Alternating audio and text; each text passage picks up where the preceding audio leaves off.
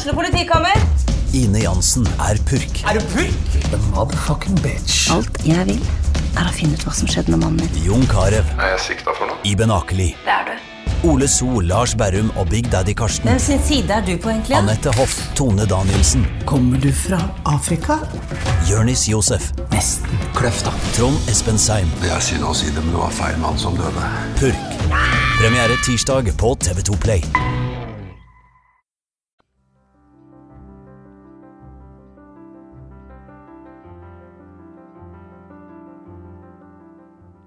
I dagens episode forteller Ragnhild Aas Harbo helt ærlig om et seksuelt overgrep som skjedde på en arbeidsreise i 2013. Fire år senere starter hashtag metoo i USA, men det er fremdeles helt rolig her i Norge. Ragnhild blir den første som varsler her i Norge.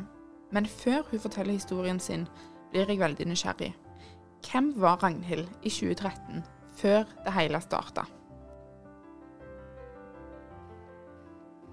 I 2013 så eh, hadde jeg blitt ringt opp fra Aftenposten den sommeren og spurt om ikke jeg hadde lyst til å søke på en stilling i Aftenposten, som jo var ko-ko. Fordi det var jo lenge før jeg trodde den drømmen skulle bli virkelig. Jeg var student i Trondheim, og så hadde jeg jo jobba i Sandnesposten før det. Det var der jeg starta min journalistiske karriere. Eh, og journalistiske drøm, egentlig. Så jeg hadde jo litt erfaring. Og så fikk jeg altså tilbud om å jobbe i sporten ganske sånn kjapt. Og kasta meg rundt. Dro til Trondheim, henta tingene mine. Trodde jeg skulle tilbake der. Havna i Oslo istedenfor plutselig. Kjente ikke så mange, men jeg hadde jobb i Aftenposten. Altså Som 22-åring. Jeg var så stolt, eh, og jeg var så spent at jeg hadde vondt i magen. Men eh, det var så stas å gå opp de trappene i Postgirobygget der Aftenposten var den gangen. Så jeg var en eh, ivrig, litt naiv, litt overmodig 22-åring i storbyen som hadde fått en jobb mye tidligere enn hun trodde hun skulle få, men som var veldig stolt. Ragnhild forteller videre, men hun dekker til noen detaljer, sånn at de som ikke har gjort noe galt, ikke skal bli mistenkeliggjort. Jeg fikk lov til å dra på en reportasjereise som, eh, som gikk over flere dager. Og det var jo min første sånn ordentlige vekk og dekke en større ting over flere dager på den måten. Så det var veldig stort. Jeg var veldig spent og gleda meg veldig mye. Jeg var veldig nøye med å pakke bagen riktig og tenke hva jeg skulle ha med. Jeg kan være litt vimsete, så det var sånn Har jeg alle kablene jeg trenger? Dagen før jeg reiste på denne reportasjereisen, så, så var det en sånn sosial sammenkomst med, med kollegaene i sporten som jeg hadde arrangert. Eh, og det var veldig kjekt. Det var liksom så god stemning. Jeg husker at jeg var liksom veldig glad for at jeg var der jeg var. At jeg var der med den gjengen, og at jeg så liksom litt lyst på framtida, på en måte. Det var godt å sitte der den kvelden og kjenne sånn oh, nå, nå er dette min gjeng. Um, jeg har det kjekt her. Du har alle muligheter foran deg, på en måte. Og så gikk jeg hjem og la meg tidlig, for jeg skulle opp og reise.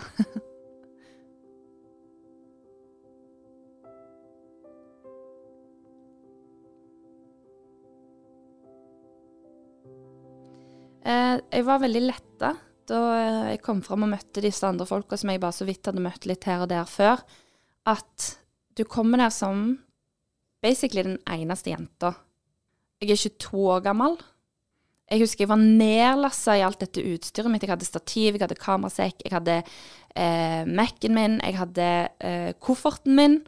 Og at han ene liksom kødda litt med meg sånn Ja, du, du skal jo ikke ta kaffekoppen min òg.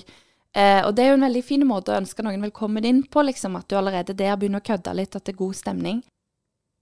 Eh, så jeg var så glad for at eh, de òg var veldig sånn inkluderende overfor meg, og tok meg med. Og sånn, ja, nå er det middag, nå gjør vi det her, og sånn og sånn. Og det var jo en person her som hjalp meg med noe utstyr, annet, som gjorde at jeg da fikk tillit til disse folka. Tenkte åh, så deilig at her er det en gjeng som er ganske etablert, egentlig. Ringrever. De har gjort dette tusen ganger før. Og så tar de imot lille meg. Deilig.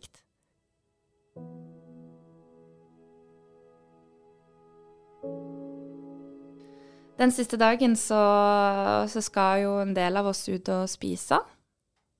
Det føltes nett litt sånn vi skal ut og feire, eh, på et eller annet vis. Og vi var ute og spiste og dro videre og hadde det bare sånn kjempekjekt. Husker jeg lo masse. Og var igjen da veldig sånn avslappa og glad for at dette hadde gått bra.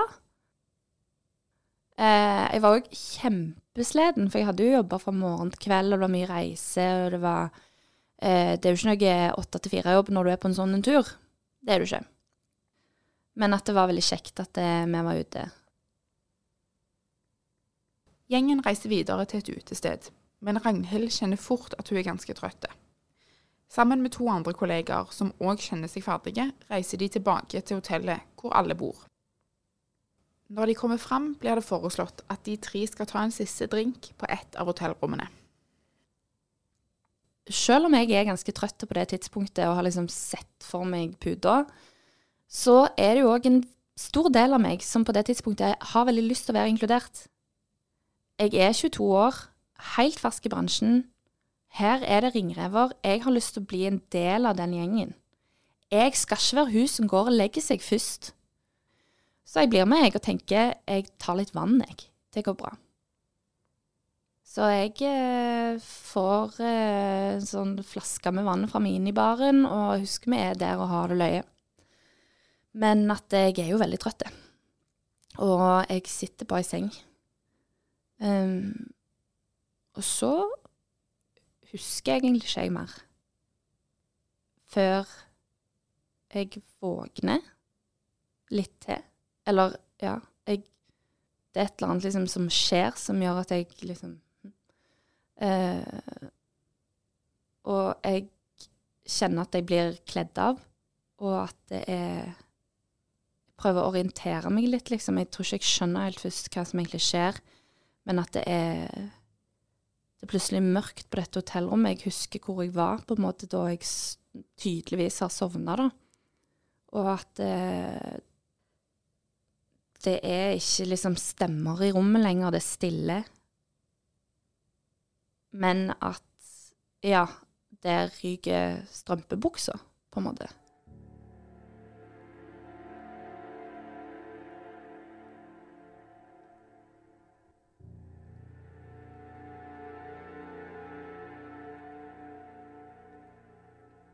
Du har ikke helt lyst til å ta inn over deg hva som skjer. Fordi igjen, da, du tenker jo det beste om folk, og dette er jo en fyr som hjalp deg med noe utstyr her om dagen, og eh, har ledd av de dumme vitsene dine, og Ja, det, det, tar litt tid før jeg egentlig skjønner at dette skjer på ekte.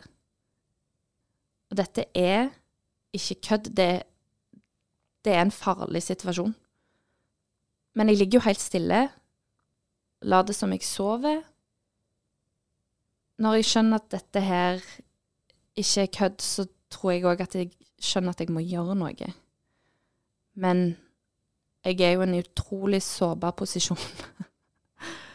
um, gjør noe som jeg er ekstremt glad for at jeg gjør.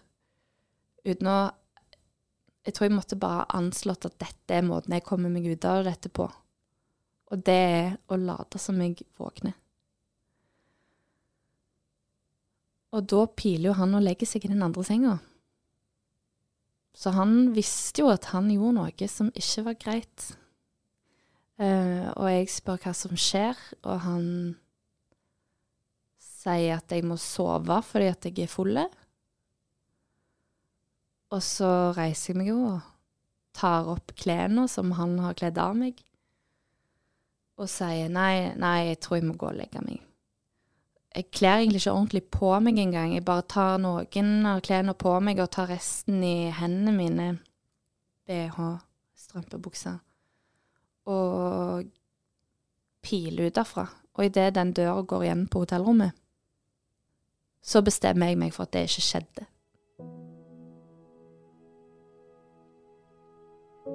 Men jeg husker veldig godt at jeg satt på toget inn til Oslo og så Postgirobygget, som jeg vanligvis så på med glede og stolthet. Men da jeg så Postgirobygget da, så fikk jeg en ordentlig vond klump i magen. Det var så tungt å gå opp de trappene. Men jeg gikk jo på jobb, og jeg fortsetter jo å late som ingenting. Så tikka det inn en melding en dag der det sto 'Hei, tilbake i Oslo'.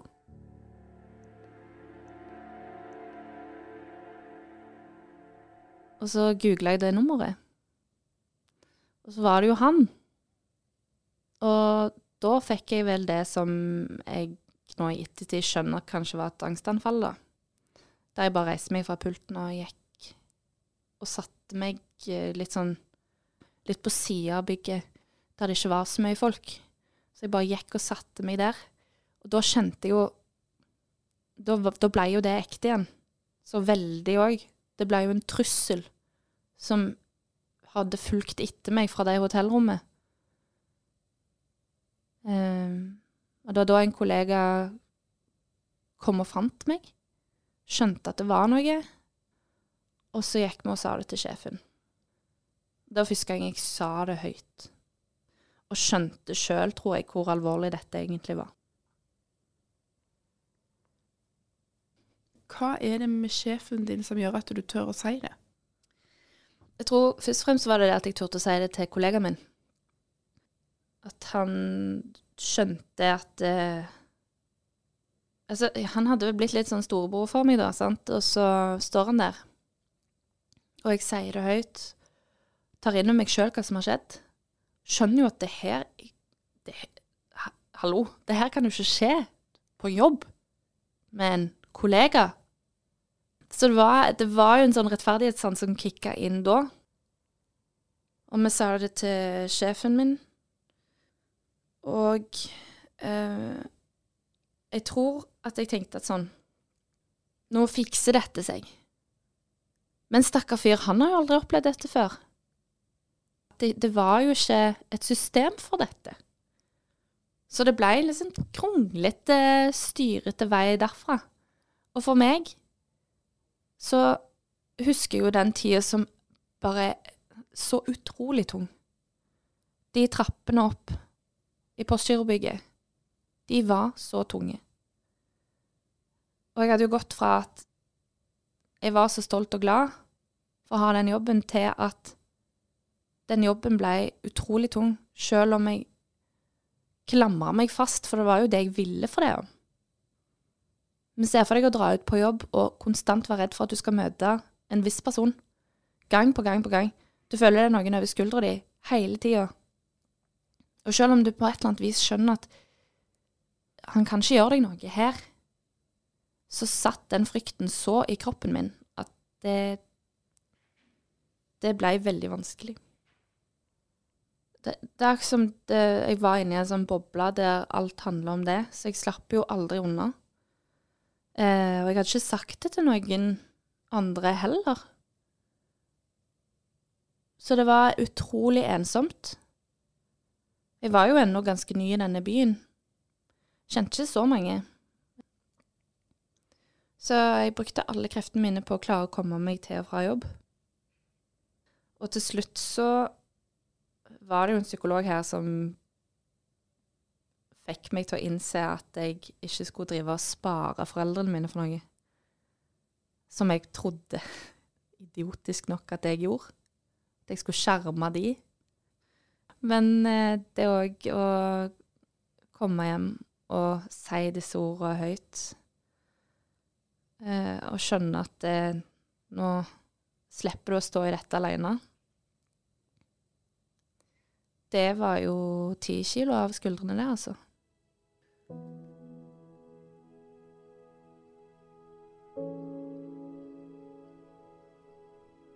er det noe jeg er stolt av her i livet mitt, så er det hvordan jeg takler det sjøl.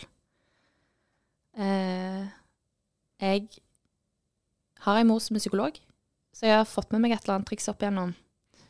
Så før jeg i det hele tatt sa det til de, før eh, noen ting, så jobba jeg veldig bestemt med at dette ikke skulle ødelegge meg. Jeg tror jeg var liksom så sint langt inni meg et sted unna all frykten og på det tidspunktet skammen og eh, alle de vonde følelsene, at jeg òg var jævlig forbanna for at det her skulle skje. Så jeg eh, jobba veldig hardt med det. Klarte det. Jeg gjorde liksom ting som å dra ut med Altså på en fest med masse journalister i nøyaktig det samme antrekket. Bare for at jeg skulle vinne det tilbake. At eh, sant, Du har disse små tankene sånn Jeg kledd meg for dristig. Det hadde jeg ikke. Altså, skjønner du, det, det, er ikke sånn det funker. Men jeg skulle ta det antrekket tilbake. Jeg skulle ikke være redd for å eh, ha overnattingsbesøk Eller sove samme sted som menn. Så jeg fikk han ene kollegaen min, som var min beste venn på det tidspunktet, til å bare Han bare Han sov i naborommet, han. Så jeg måtte liksom lære meg på en måte at liksom, du, du, du, skal kunne stole på folk igjen, og det er viktig at du gjør nå. Så ikke kan det være ødelagt for alltid, på en måte. Så jeg var veldig progressiv. Gikk og tok massasje, for han her fyren hadde selvfølgelig massert meg der jeg lå på den senga. Idioten. Det høres ut som at Ragnhild gjorde mye rett når hun skulle bearbeide det som hadde skjedd. Men jeg lurer litt på hvordan det var å jobbe på samme plass, og kanskje bli påminnet hendelsen igjen og igjen. Jeg slutta i sporten. Jeg gjorde det. Jeg tror ikke det var utelukkende på grunn av det. Jeg hadde òg lyst til å være student, men jeg bare kjente at nå trenger jeg noe nytt. Så jeg begynte å studere journalistikk i Oslo. Jeg eh, ble tilkallingsvikar i, i Aftenposten istedenfor, så fikk jeg på en måte fortsette å jobbe, men ved siden av studiet, så det var jo fint, det. Um, men jeg ga jo opp en drøm. Jeg gjorde jo det, og det er noe av det jeg er sint for ennå en sånn hendelse kan potensielt ødelegge en karriere. Eventuelt bare skifte retningen på den, men det er noe som skjer med deg som gjør at du tar et valg du ikke ville ha gjort uten.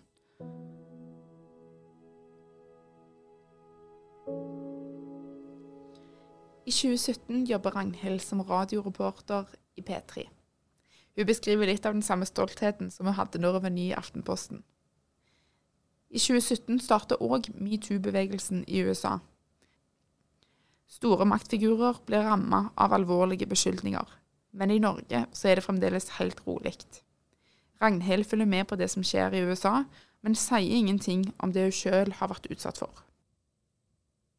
Men så kom spørsmålet i Norge skjer dette her?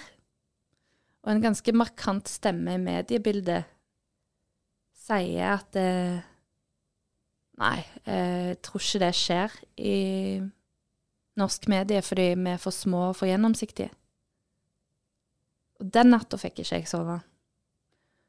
For jeg hadde jo begynt å se parallellene til, til min egen situasjon, egentlig, eller til, til Norge. Og jeg tenkte noen kommer snart til å si fra at jo, men dette skjer jo til en viss grad her òg.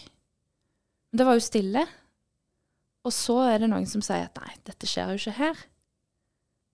Og selv om jeg bare satt med min situasjon, så altså, har det skjedd med meg, så har det jo skjedd med flere. Det er jo helt åpenbart. Altså, disse mekanismene og disse, denne maktbalansen, de finnes jo i ethvert yrke. Og i norsk mediebransje og i alt mulig annet. Og det viser seg jo å stemme. Men det var stille. Da fikk jeg et ekstremt behov for å si det skjer jo her òg. Hallo! La oss ta tak i dette her òg. Eh, så når ingen andre gjør det, da, så Ja. Jeg skrev vel det innlegget mest til meg sjøl den natta for å sove. Fordi det bare gikk i hodet mitt.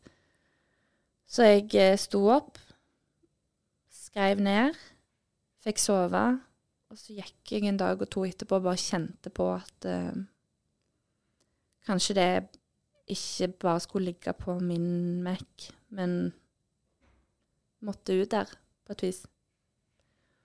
Så da trykka jeg 'publish', da, på Facebook. Og jeg vet ikke om jeg helt tenkte hva som skulle skje etterpå. Men jeg tror jeg bare tenkte at jeg skulle liksom iallfall si til noen at dette skjer. Men så er jeg jo journalist, så jeg aner vel kanskje litt at uh, dette er kanskje noen som plukker opp. en viktig del, tror jeg, for at jeg i det hele tatt klarer å, å si dette ut på den måten, det er masse folk jeg kjenner og ikke kjenner, det er jo at jeg har eh, jobba meg gjennom dette såpass godt at jeg ikke har noe skam eller skyldfølelse for det som skjedde med meg. At jeg skjønner at her er det ikke jeg som har gjort noe galt. Og at selv om det er på en måte veldig intimt, så har ikke jeg så mye skam knytta til det. Og så har jeg jo på en måte lært i de åra mellom der at det, eh, det har jo blitt mye mer interessert i statistikker rundt seksuelle overgrep, voldtekt. Det er sånn Det er så mange som har opplevd disse tingene, at jeg skal iallfall ikke gå her og liksom skamme meg. Det er jo ikke jeg som skal det. Så jeg hadde veldig sånn overfor meg sjøl plassert skammen der han skulle være. Og skyldfølelsen der han skulle være òg. Og det var utrolig lett lettende for meg.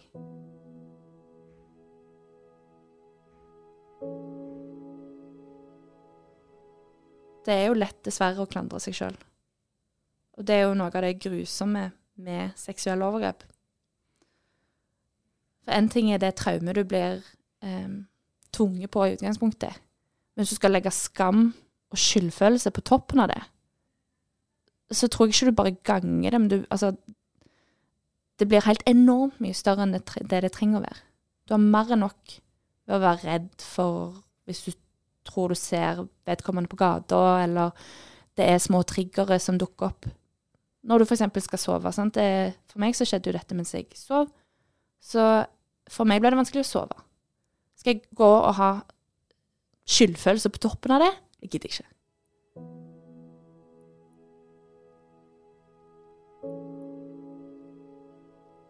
Nei, det tar jo ikke så lang tid da før liksom mediene begynner å, å ta tak i dette.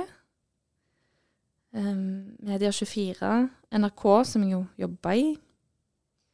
Da fikk vi jo satt dette ordentlig på agendaen. Nå begynte jo folk å få det med seg. Og da var jeg vel 26 år og sto der og mm, måtte fortelle om dette igjen, da. Men med det viktige budskapet at vi har ikke et system på det. Det var jo, det var jo derfor jeg sa fra. Selv om jeg hadde jobba meg veldig godt gjennom det som skjedde, så ble jo metoo et sånn ordentlig punktum for det traumet. Med at jeg offentlig òg, der alle kunne være enig i hvor den skammen hørte hjemme og at jeg fikk gjort noe konkret. Og prøve å gjøre noe bedre ut av noe som egentlig bare var vondt. Og det er veldig deilig. Du ser jo med, jeg ser det jo hos veldig mange som opplever fæle ting. Hvis f.eks. noen dør i en ulykke, så er ofte familiemedlemmene opptatt av at dette ikke skal skje på nytt. Og så er det en form for heling i at du kanskje har forhindra at dette skal skje med noen andre. Du går fra å være den som skriver, eller den som produserer en nyhet, til å egentlig være nyheten. Hvordan er det? Jeg tror jeg mest av alt har lært mye av det som journalist. da. Og det var jo litt av grunnen til at jeg tror jeg òg at jeg Da gikk jo den gangen og publiserte dette på Facebook, at jeg skjønte at her trengs jo et case. Så du kan si at jeg var et case i min egen sak. jeg ville sette søkelys på noe og brukte meg sjøl. På Facebook, som jo ikke er et redaksjonelt produkt på samme måte, så der kan man jo gjøre det. Putte meg sjøl ut der. Det Ja. Ja. Det var Skal jeg bruke et vondt ord, men litt sånn selvoppofring, altså. Men det var der det sinnet kom inn. og Kunne ikke ha gjort det uten å være oppriktig sint. Når Ragnhild forteller, så høres det litt ut som at hun ofra seg sjøl for saken. Og jeg lurer litt på om hun noen gang har følt at det å være en varsler ble en del av identiteten hennes. At hun liksom ble metoo-Ragnhild, og ikke bare Ragnhild. Ja. Det er egentlig en grei måte å se det på. At jeg um, ble metoo-Ragnhild på et vis. Det er jo en litt slitsom uh, betegnelse. det er jo et ord veldig mange har en eller annen følelse for, og det er ikke nødvendigvis alltid positivt. ikke sant? Folk er lei av det. Syns kanskje det, var, det ble litt mye da, for folk. Så det jeg, jeg tror folk selvfølgelig glemmer disse tingene. sant? Det er mye mer tydelig for meg. Det er jo ikke noe jeg glemmer. Men at eh, jeg ble jo fremdeles gjenkjent som det. At folk husker meg som det, folk som ikke kjenner meg fra før av. Så det vil jo sikkert henge med meg en liten stund. Og sånn som nå, da, fem år siden, da kaster mediene seg rundt og skal snakke om det igjen. Og det er jo viktig, fordi vi kan ikke glemme det. Vi kan ikke slutte å jobbe med det og ha fokus på det. fordi bare se på Forsvaret den siste tida, den Silje-saken. Altså, flinke folk som slutter med det de holder på med, fordi at de blir utsatt for forferdelige ting på arbeidsplassen sin. Det ødelegger jo det arbeidsstedet for vedkommende. Det er ikke bare det traumet du har knytta til det som skjedde, men det blir knytta til arbeidsstedet ditt. Der ligger identiteten din, der ligger mestringsfølelsen din, der ligger lønna di. Og når det blir uttrykt, så har vi et problem. Og når det skjer i Forsvaret i 2023, så blir det vanskelig for meg å si nei til å komme til denne podkasten, selv om jeg ikke tror jeg redder verden med å gjøre det, men kanskje et eller annet menneske som sitter ute og hører på dette, tenker ok, men jeg skal iallfall ha øynene åpne på jobb. Det er jo målet her, liksom. Det er derfor en må gjøre det, og da kan jeg godt være metoo, Ragnhild, hvis det kreves litt. Det høres ut som at Ragnhild har ofra litt når hun har stått fram med disse anklagene.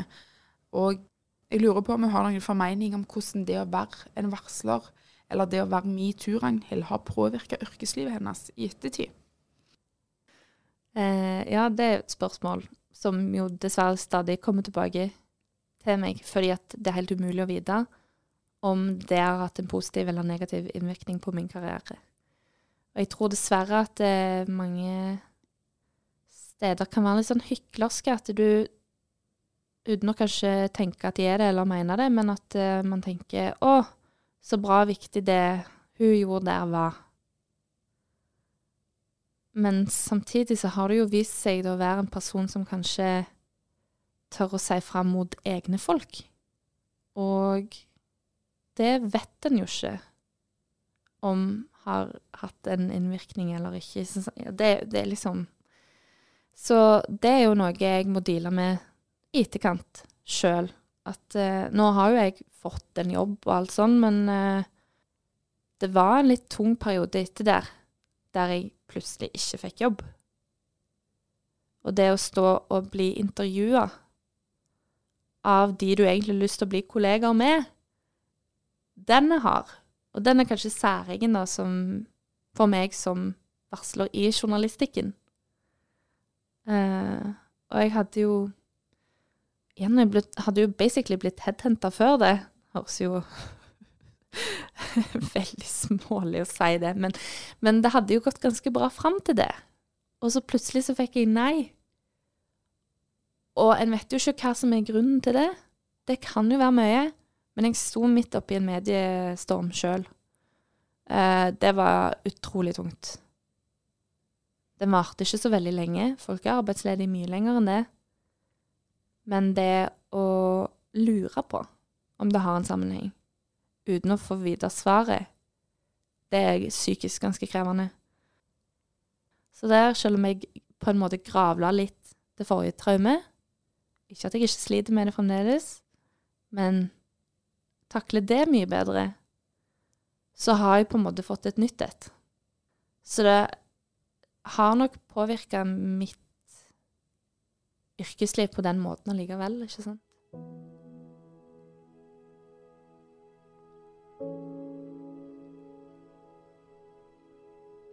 Det var jo denne gjengen min på sporten. De feila jo ikke, heldigvis. Jeg satt der på en sammenkomst vi hadde før jeg reiste. Det var koselig og løye. Og jeg kom tilbake når de fikk vite hva som hadde skjedd, så hadde de jo ryggen min da òg. Og særlig han ene kollegaen min, Daniel, han, han var jo en liten champ i dette her. Så det å ha folk som, som ser deg og liksom kommer med Kommer med god mat på dør og bare er til stede. Og når du tør å begynne å bevege deg ut, så er de der, og de vet hva som har skjedd, sånn at du har noen. Som når du kan bare sende dem et blikk, så skjønner de at sånn Oi, shit, nå, nå er det litt vanskelig her å være Ragnhild, så nå skal jeg bare stå ved siden av. Så du føler deg trygg. Så det er på en måte òg godt når du når din naivitet og eh, tiltro til folk blir satt på prøve, at det viser seg at folk er jæskla fine òg, er godt å vite.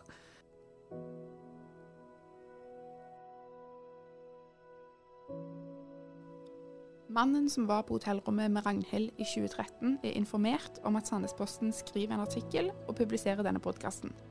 Han ønsker ikke å uttale seg om saken eller bidra til denne.